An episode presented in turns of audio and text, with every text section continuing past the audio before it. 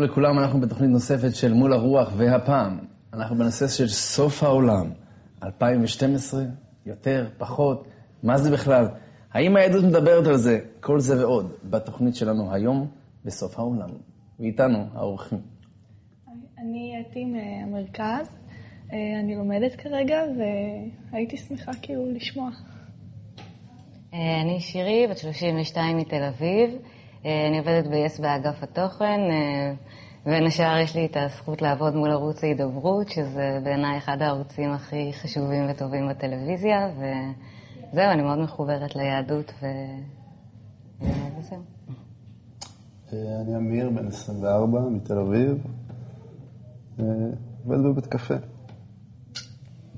יואב, בן 23 מהרצליה, הגעתי כי שמעתי שיש נושא מאוד מעניין לדבר עליו היום. ואשמח אה, לשאול שאלות אה, את הרב. טוב, רקע כללי. מה זה בכלל 2012? זה נכון, לא נכון, איזושהי סקירה כללית. אה, למעשה הכל התחיל משבט המאיה. שבט המאיה, אינדיאנים שלמעשה ברמה כזו או אחרת נכחדו היום מהעולם, לא נשאר לנו כמעט זכר. הם היו חזקים מאוד מבחינה אסטרולוגית ואולי אפילו אסטרונומית.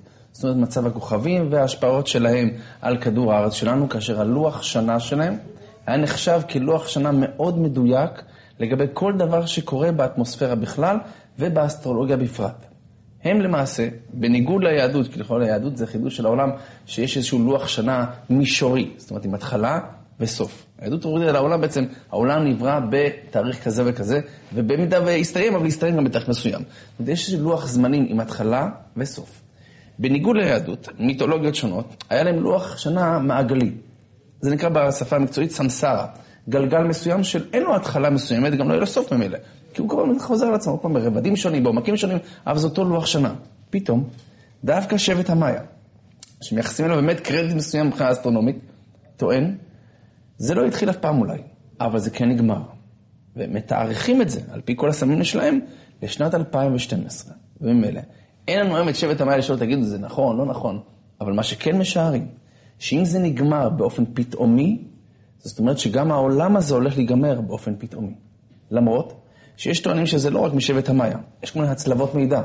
יש רוצים להגיד שגם נוסטרדמוס, ששוב, לא איתנו כדי שנשאל אותו, אבל גילו איזשהו ספר עתיק שלו, עם שבע תמונות, ששם רוצים לייחס את זה גם, אמנם לא במדויק ל-2012, אבל כן לאותו תחום של זמן, זמן של חורבן הוא מציין, זמן דבר, דבר מאוד מעניין, שהשמש הולך לקרות איתה משהו. התחממות גלובלית, או תכף נדבר על זה מה הולך להיות. שמש זה דבר מאוד מאוד קונקרטי אצלו. אה, רוצים להגיד גם באי צ'ינג, ספר התמורות הסיני, גם כן קיבלו נבואות על הדבר הזה. עוד כל מיני אפוקליפסים כאלה ואחרים, קצת אה, נביאים מסכנים כאלה ואחרים במהלך הדורות, דיברו על סוף העולם. ובוודאי, היהדות, שבעקבותיה נמשכה גם הנצרות והאסלאם, מדברים על סוף העולם. אם מגיע או לא, על זה נדבר. ביהדות מדברים על האלף הבא, שזה אלף שכולו מנוחה, אז זה בעצם עוד 200 ומשהו שנה. ויש גם את המשפט הזה, שתגיע, אז כאילו בעיתן אחישנה, ואני לא כל כך רואה איך, יכול, איך אפשר באמת להחיש את אותה גאולה במצב שאנחנו נמצאים היום. הרי רובנו עוברים uh, מדי יום על, על רוב עשרת הדיברות, וזה... רוב האנשים, כאילו נראה שאנחנו מאוד מאוד מאוד רחוקים. אני מצידי שאני מאוד מאוד משתדלת, אני יכולה לראות כמה מהצד שלי אני מעכבת את ה... אה, איך זה יכול להיות שבאמת אה, אה, יש אופציה להכחיש את זה, שזה יגיע לפני ה-250 שנה? טוב, שאלה מצוינת. אז בואו קצת ניתן רקע כללי למי שלא בא בעניינים. על פי היהדות העולם נברא בשישה ימים, וביום השביעי שבת ונפש, יום שבת. כנגד השישה ימים הללו, העולם יהיה קיים ששת אלפים שנה בלבד. זאת אומרת, כאשר יגיע האלף השביעי, קרי להיום, עוד 230 שנה, כשאנחנו בלוח העברי ה' אלפים, תש"ע שנים. זאת אומרת 5,770. עוד 230 שנה לסוף, ל-dead end. בינתיים אנחנו אמורים לעבור תרחישים כמו בניין בית המקדש השלישי, תחיית המתים, ימות משיח, מלחמת גוג ומגוג וכן הלאה. תסריטים שמופיעים כאופציה אפשרית, במידה ויהיו תהליכים מסוימים בארץ, זה נקרא בעיטה. זאת אומרת, במידה ויהיה התאריך שאלוקים קבע כבר מזמן. מה זה התאריך הזה? כאשר הששת אלפים שנה הם מחולקים לשלוש חלקים, שלושה חלקים. אלפיים שנה ראשונות נקראות אלפיים שנה של תוהו. כאשר היה בלבול, לא היה ידעו, כאילו אין עדיין תורה, די מבולבל העולם, תקופה של אברהם אבינו וחבריו. קח סתם תאריך היסטורי, מה אומר לכם 1948? Hmm? מדינת ישראל היא יותם חופשי. על פי היהדות, באמת, 1948 זה היום לידתו של אברהם אבינו, לבריאת העולם, לא על פי התארוך הנוצרי. 1948, יום בריאתו של אברהם אבינו, נולד בעולם. למעשה, בגיל 52, הוא מתחיל להפיץ את היהדות, אם אפשר לקרוא לזה ככה, לעולם כולו. סך הכל, אלפיים שנה. 1948, 52 שנה, למעשה אלפיים שנה של תוהו. האלפיים שנה נוספות זה אלפיים שנה של תורה. מה זאת אומרת? מתישהו, במהלך האלפיים שנה אלו, האלוקים היה צריך לתת את התורה. זה ניתן ב-2448. זאת אומרת, יחסית בתחילת האלפיים. באלפיים שנה האחרונות, הם אלפיים שנה שבו אנחנו נמצאים כממש בסוף, בסוף, בסוף, שנקרא ימות משיח. מתישהו בזמן הזה אמור להיות תרחישים של ימות משיח. זאת אומרת, העולם אמור להגיע לאיזשהו תיקון מסוים, תכלית מסוימת. לא כפי שהוא נראה היום, בצורה שהוא נראה מאוד מקולקל, נקרא לזה ככה. ממילא, יש שני זמנים למשיח. בעיטה, אומר הנביא, ואחישנה. או בעיטה, הכוונה היא תאריך שנקצב כבר מראש, או אחישנה, זאת אומרת, בעקבות מעשים חיוביים של עם ישראל, וסליחה שאני חולק עלייך, אני חושב שעצם את, בתור בחורה שלפני שנתיים, הייתה ממש רחוקה מהיהדות, והיום כבר עשתה כברת דרך עצומה מבחינתי, לקראת פתיחות, להקשבה, ניסיון אפילו להשתדל להיות בן אדם יהודי, נקרא שם בתורה מצוות, זה מדהים. ודאי שזה מקרב את הגאולה בכמות אדירות. אפילו אני מאוד מאוד מאוד מאוד מאוד רחוקה. אז מה לגבי היותר רחוקים, שבאמת שהם אפילו אי אפשר להאשים אותם בזה שהם יותר רחוקים, כי אנחנו בדור מאוד מבולבל. נכון. הבנתי שכל דור, הגדולים דור- אמרו שהם לא רוצים להיוולד בדור הזה בכלל, לא שזה אומרים דור... אה, אומרים שקוראים לנו אה, דור, דור המשיח, שאנחנו דור הגאולה, מה שזה. עכשיו, יש הרבה בלבול, כי אתה אומר תחיית המתים, אתה אומר גוג ומגוג, אתה אומר אה, עוד כמה דברים שעלולים לקרות. אם לא היה את הסרט הזה היום 2012, לא הייתי בכלל יודע שיש דבר כזה. אני זוכר סצנה שהייתי בן 14, הולך בשוק הכרמל, והולך אחד עם מגפון וצועק אלפיים, דוג ומגוג מגיע, ודיסקים, ובשנת אלפיים זה הולך לקרות, כל הזה, כל הזה. אולי הוא ספציפית היה בן אדם אולי שקצת לא יודע מה הוא אומר, אולי היה שם איזה... אבל התאריכים הם לא, הם לא מדויקים, אי אפשר לדעת את התאריכים. זה שאומרים שאנחנו, כל הסימנים מראים שאנחנו, זה, זה הדור שזה הולך לקרות, אבל אה, מבחינת, מבחינת זמנים אי אפשר, אי אפשר לדעת.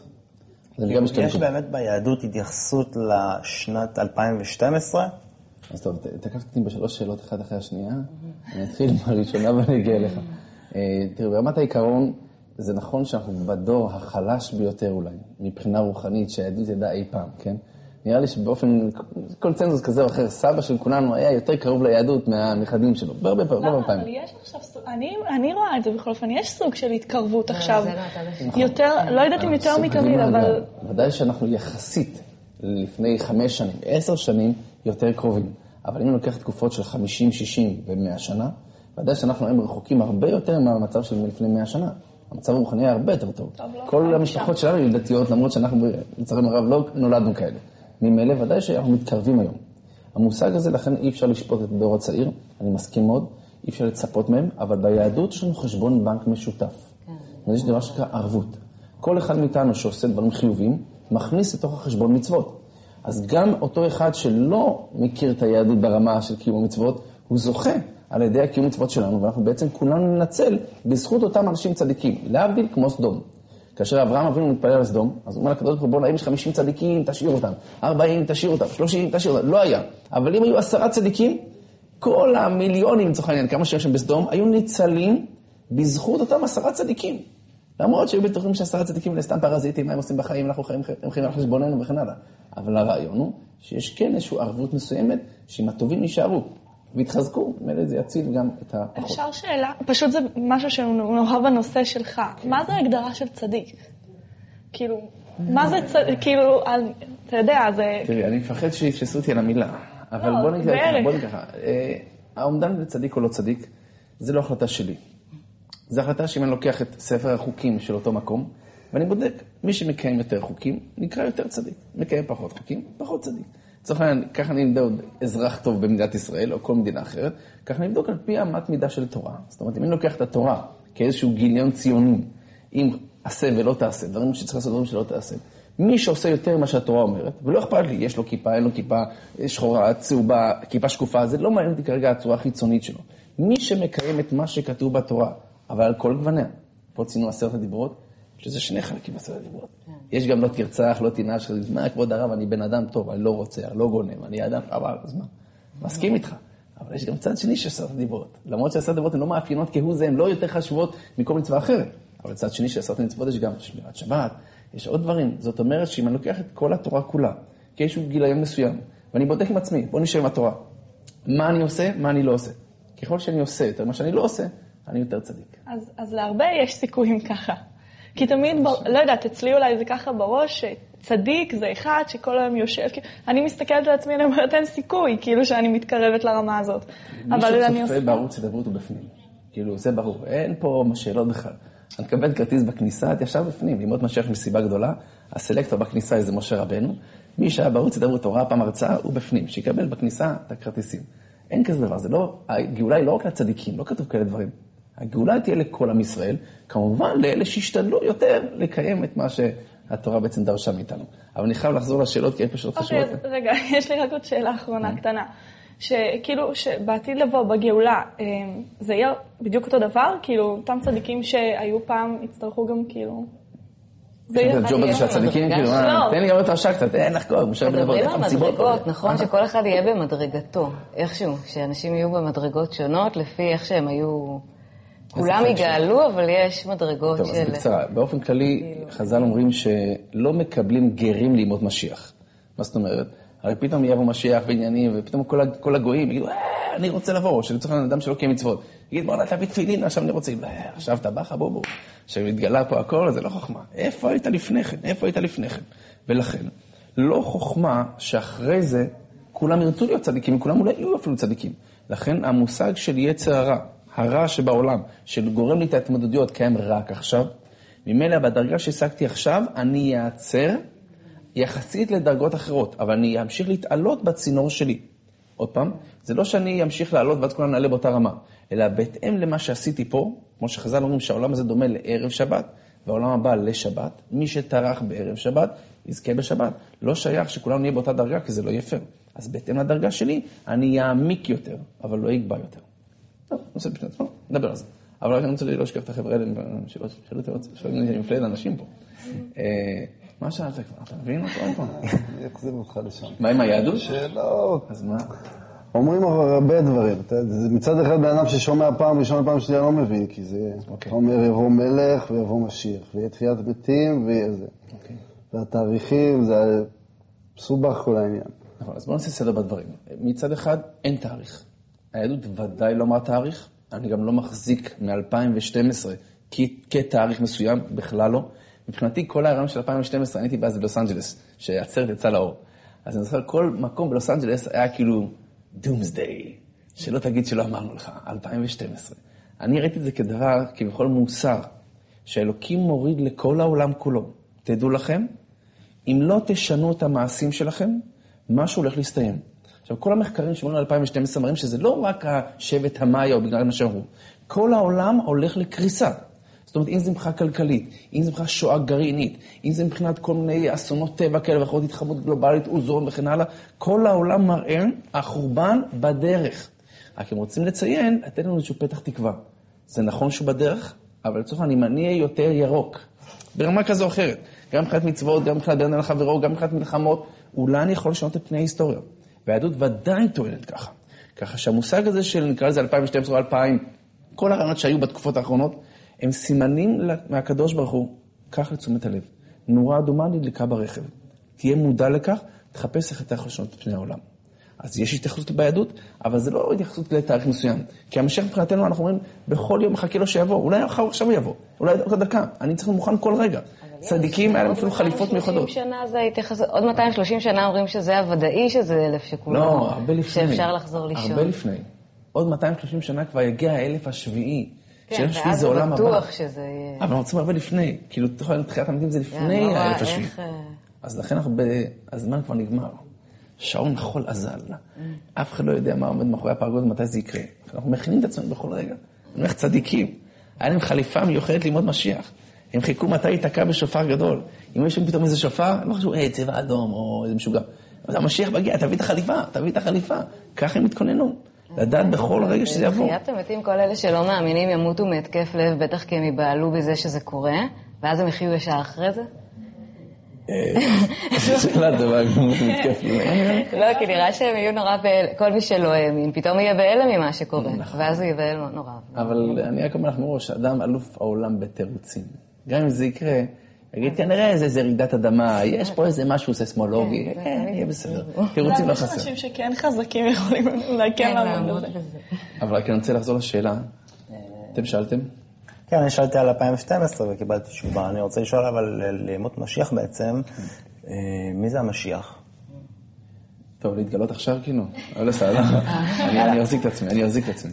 אבל אה, המשיח. למעשה הוא הוא אישיות שהיא נמצאת בכל דור בפוטנציאל. לא מובן אפילו אפילו אם הוא יודע את זה. זאת אומרת שברגע שהוא יתגלה, לא רק שהוא ידע את זה, אלא כולנו נדע את זה. זאת אומרת, כל אלה שטוענים שהם המשיח, הם סגורים במחלקות סגורות, אז השם יעזור להם, הם לא המשיח. המושג של משיח זה מושג של אישיות רוחנית, שיש לה נשמה מאוד גבוהה מבחינת פוטנציאל, שבשלב מסוים, אם העם יהיה מוכן, כמו שכזו אמרה סינית ישנה, כשהתלמיד מוכן, המורה מגיע, אותו דבר מבחינתנו.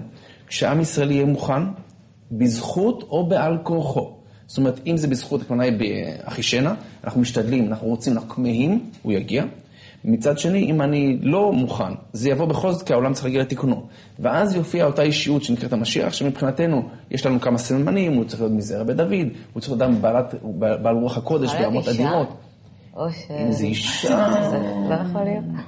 כנראה שלא, אבל אה, בואו לא נשאר אה, בנקודה הזאת, כדי שלא יתפס אותי במילה. אולי יש אנשים גבר, כאילו, סליחה, אני המשך, באתי לגאול אתכם, חבר'ה. כנראה שזה גבר, אני לא יודע אבל. כנראה שזה זה על גבר. חמור לבן? אה, על חמור לבן לאו דווקא, הם שם אה, גם מרצדס, אפשר לבוא גם עם מטוס קונקורד. הרעיון הוא שפשוט תהיה רכוב על החומר. זאת אומרת, זו תהיה אישיות שהיא תהיה רכובה על החומר. זאת אומרת, היא תשלוט על החומר, דבר אחד. דבר מעניין, בני דודינו הישמעאלים, כזה במאמר מוסגר, הערבים, הבני דודים שלנו, הם מצוינים על פי הזוהר כדבר שנקרא קליפת חמור. מה זאת אומרת? עליהם נאמר בשר חמורים בשרם. מה זאת אומרת בשר חמורים בשרם? הכוח שלהם זה כוח של חומר. הם מאוד קשורים לחומר, לכן תשאלו ערבי טוב נחמד, תגיד לי איך הולך להיראות העולם הבא שלך? מה זה העולם הבא של הערבי? חכה לו שם הרמון, עם כל מיני על האש ובחורות ועניינים, כאילו יפה מאוד, חומר. ולכן הם, זה לא דבר שלילי, זה רעיון שכביכול הם הולכים, אומר הזוהר, לעכב את עם ישראל במלחמה האחרונה, כי הזוהר מגלה שהמלחמה האחרונה תהיה בארץ ישראל, על ידי האנשים שיש להם ברית מילה. כן. כיוון שבזכות ברית המילה נכנסנו לארץ ישראל, זו כביכול הברית שנקרתה בינינו ובין האלוקים, בין אברהם אבינו לקדוש ברוך הוא, אז לאברהם היו שני בנים, גם יצחק שעשו ברית מילה וגם הישמעאלים, גם הערבים. כיוון שכך יש לערבים זכות בארץ ישראל. אומר הזוהר, הזכות הזאת תסתיים בשלב מסוים, ועד שהיא לא תסתיים, יש להם פה זכות. אתה לא יכול להעיף אותם מתי שאתה רוצה. תן להם את הכבוד המגיע להם. רק הרעיון הוא שהמשך יבוא רכוב על החמור, בתקופה שהערבים יהיו דומיננטיים מאוד, והוא יבוא להציל אותנו מכל התקופה. בקשר לגוג ומגוג, למלחמה האחרונה. אה, אנחנו יודעים, רשום איפשהו, אה, איך זה יקרה? זאת אומרת, אה, שואה גרעינית, אה, או באמת אה, משהו שהוא קשור לאקלים, כמו שמצוין ב-2012. אנחנו יודעים אה, משהו שאמור שאלה לקרות? מצוינת. באופן כללי, התסריט הוא לא מחייב. זאת אומרת, התוצאה הסופית, שבמהלך מסוים הולכת להתפתח פה מלחמה. מה הסיבה למלחמה? האם משהו אקלימי שיגרום לרעב או צורך של לצאת למלחמה, או באמת שואה גרעינית? לא מצוין איך זה יצא לפועל. רק זה יצא לפועל על ידי התאחדות של כל העמים כלפי עם ישראל. באופן כללי, כיוון שאין לנו הרבה זמן להרחיב, אבל הרעיון הוא שאם אמרנו שהישמעאלים זה קליפת חמור, העשבים, האדומיים, לצורך העניין ארצות הברית וחברותיהן, בעלות הברית נקרא להם, הם מצד עשיו, הקליפה שלהם על פי הזוהר זה קליפת שור, מלשון גאווה. זה שור וחמור. החיבור של שור וחמור ביהדות הוא קריטי. לכן יש מצווה בתורה, לא תחרוש עם שור וחמור יחדיו. השילוב הזה הוא קריטי, והוא קרה שלוש פעמים בהיסטוריה. שניים כבר יצאו לפועל, השלישית כביכול בדרך. זאת אומרת, פעם ראשונה יצא כאשר עשו מתחתן עם מחלת בת ישמעאל כדי להחריב את יעקב. זה שתי קליפות, וקליפה זה לא דבר שלילי. הקליפה נועדה לשמור על הפרי, אבל על לשמור הזה, הוא יכול גם לחנוק את הפרי במידה ואנחנו רוצים. לכן, השילוב הזה, עשו וישמעאל, היה בתחילה עם עשו ובת ישמעאל, אחרי זה זה היה בפורים, שימו לב טוב, כאשר המן הוא מזרע הגג, הוא עשו, הוא השור, לעומת אחשורוש דאז, זאת אומרת, אחשורוש דאז זה אחמדינג'אד של היום, מלך פרס, מלך איראן, הם מתחברים ביחד לעשות פתרון סופי. והפעם השלישית הולכת בפעם שלנו, בגאולה האחרונה.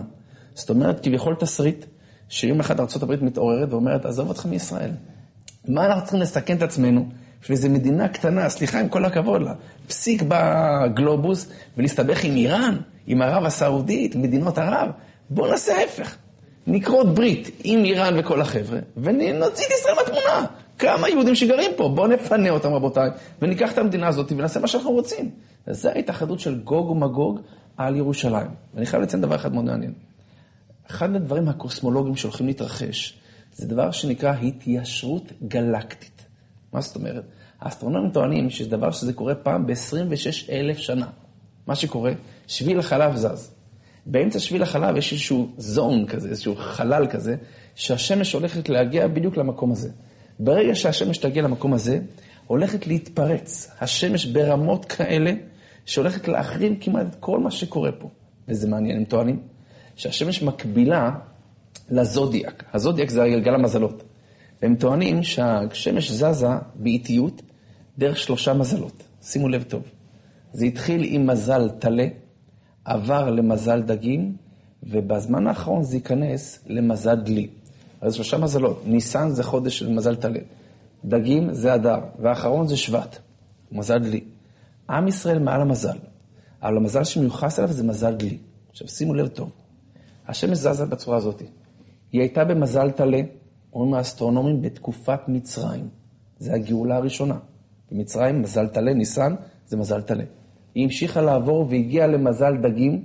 מבחינה קוסמולוגית אצלנו, זה היה בפורים. פורים, חודש אדר, מזל דגים. הגאולה השנייה. ועכשיו היא נכנסת לכל ה-new age שנקרא עידן הדלי, כאילו. העידן הדלי זה העידן שלנו. זה כביכול השם שמגיע בפעם השלישית והאחרונה להתיישרות הגלקטית, לגאול אותנו מכל האיסורים. זה הרעיון, מזל לי, ודווקא בתקופה שלנו. יש לי שאלה שממש כאילו, כאילו לא מובן לי. הרי אתה אומר שכאילו זה גם ידוע שהמשיח יכול להגיע באמת בכל רגע, אבל אנחנו אף פעם באמת לא יכולים לדעת מתי. אנחנו יכולים לעשות את המקסימום כדי לקרב אותו, אבל לא באמת יודעים מתי. אבל אני גם יודעת שחבלי משיח זה התקופה שממש לפני שהוא מגיע. ו- ולא יודעת, התחושה שלי כזאת היא שלאחרונה קורים דברים כאילו לא מוסברים במדינה שלנו ספציפית, ש- שכאילו אתה כן מסתכל על זה, אתה אומר, וואלה, אולי זה באמת חבלי משיח, כמו ש- שאומרים שהם תקום על ביתה, וכאילו, כל מיני, ואתה רואה שקורים פה דברים שלא היו קודם. יכול להיות שזה בגלל שאנחנו פתאום יותר חשופים וזה יותר יוצא, אבל כן אני חושבת שאפשר uh, לשייך את זה לחבלי משיח. אני לא יודעת כמה זה ודאי, אבל... אתה אומר, לא נדע, אבל אפשר להרגיש באיזשהו דרך, לא? אין ספק שמה שאת מציינת זה דבר מאוד חשוב, שלמעשה המשנה מסכת סוטה בפרק ט' מביאה לנו סממנים של עקבתא דמשיחא, כך זה נקרא. עקבתא משונה עקב, החלק האחרון, זהו, הסוף. אז ודאי שהסימנים מופיעים בדור שלנו יותר בכל דור, לכן זה לא שאנחנו לא יודעים בכלל. אנחנו מחכים בכל יום שיבוא, כי זה לא תלוי בנו. יכול להיות שהאלוקים כבר מראש שזה יגיע עכשיו.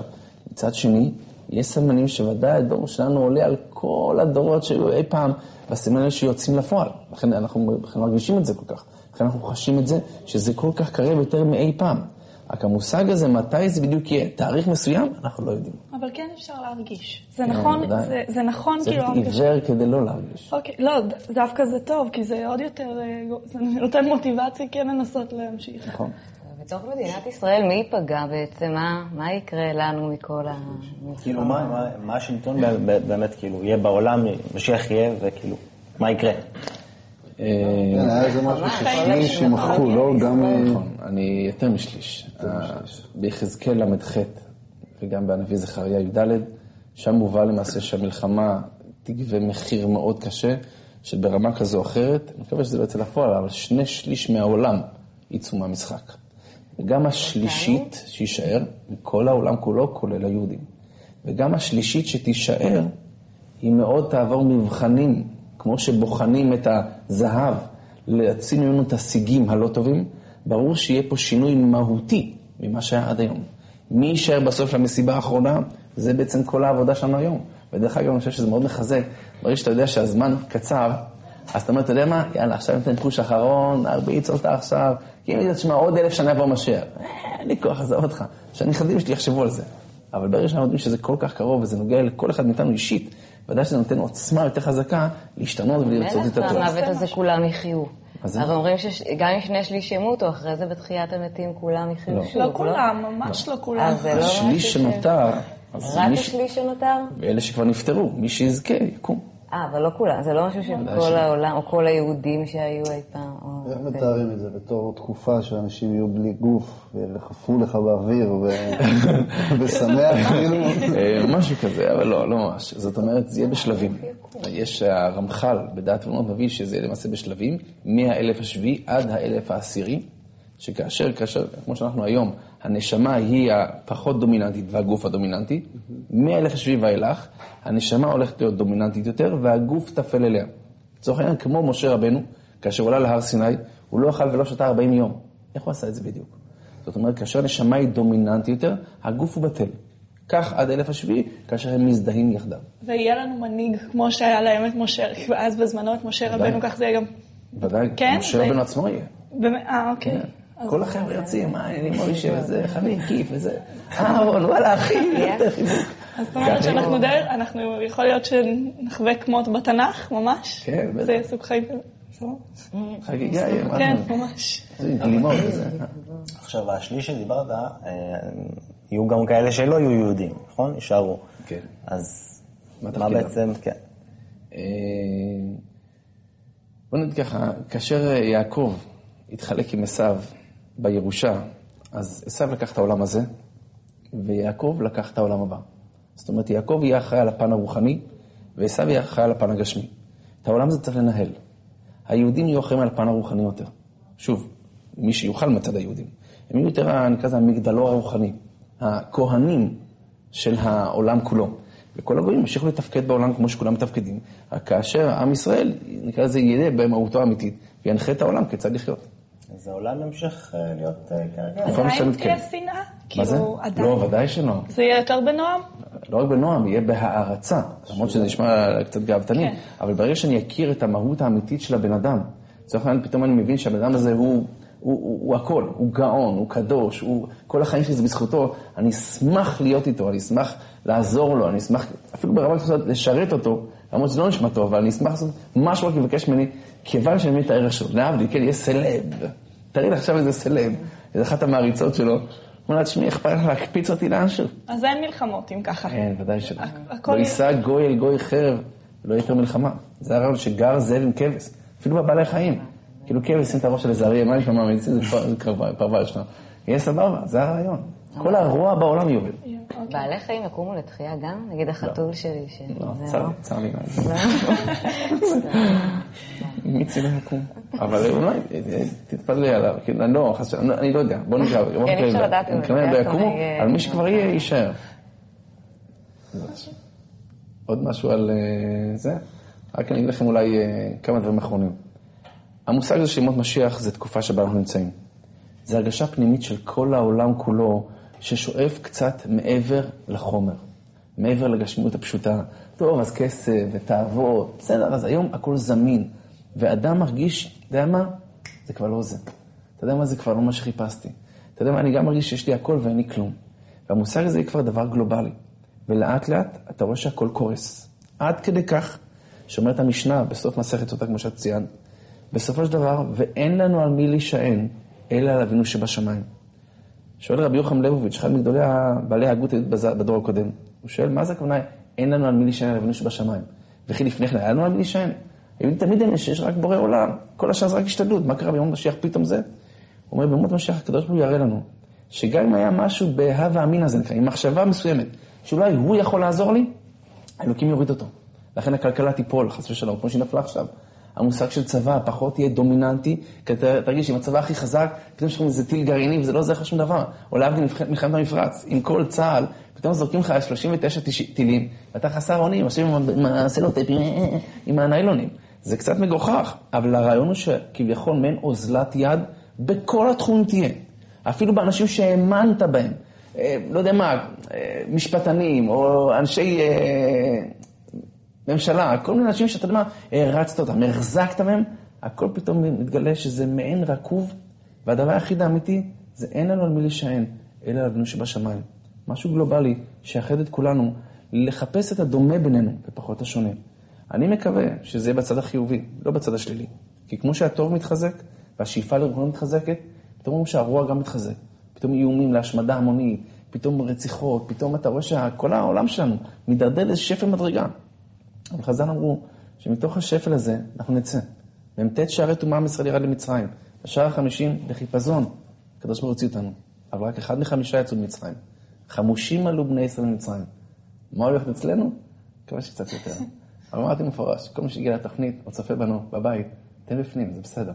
הכרטיסים בחוץ, רק שנזכה להתחזק באהבת חינם, כמו שהחריב בבית המקדש שנאת חינם, אם נתחזק באחדות, באהבת חינם, אולי נצטרך שנראה שסוף העולם יהיה קצת אחר.